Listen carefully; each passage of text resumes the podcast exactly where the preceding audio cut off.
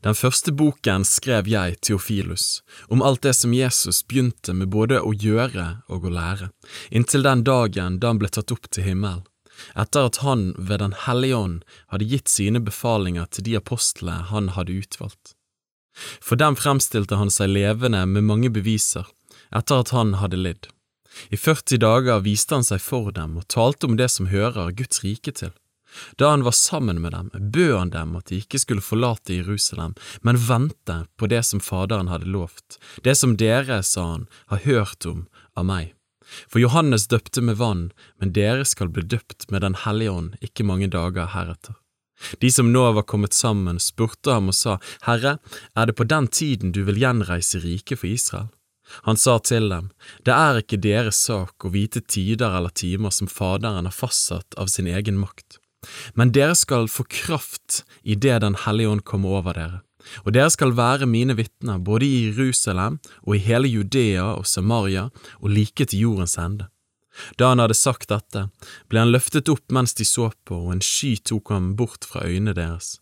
Mens de sto der og stirret opp mot himmelen idet han for bort, se, da sto to menn i hvite klær hos dem, og de sa, Galileiske menn, hvorfor står dere og ser opp mot himmelen? Denne Jesus som er tatt opp fra dere til himmelen, skal komme igjen på samme måten som dere så ham fare opp til himmelen.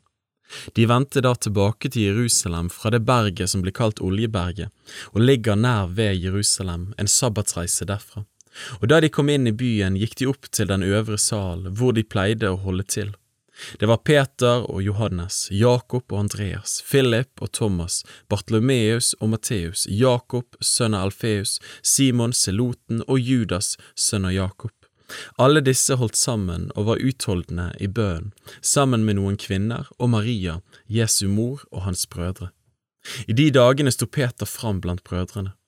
Det var samlet en flokk på omkring 120, og han sa, Brødre, det skriftordet måtte bli oppfylt som Den hellige ånd foruttalte ved Davids munn om Judas, han som ble veiviser for dem som grep Jesus. Han var jo regnet blant oss og fikk del i denne tjenesten. Han kjøpte en åker for den lønnen han fikk for sin ugjerning. Så styrtet han hodestups ned og revnet, og alle innvollene hans veltet ut. Dette ble kjent for alle som bor i Jerusalem, og de kaller åkeren på sitt eget språk Hakeldama, det betyr blodåkeren. For det står skrevet i Salmenes bok, la hans bosted bli øde, og la ingen bo der, og videre, la en annen overta hans tilsynsembete. Derfor bør en av de mennene som fulgte med oss hele tiden mens Herren Jesus gikk inn og ut blant oss, like fra han ble døpt av Johannes til den dagen han ble tatt opp fra oss, en av disse mennene bør sammen med oss være vitne om hans oppstandelse. Så stilte de fram to Josef, som ble kalt Barsabbas med tilnavnet Justus, og Mattias.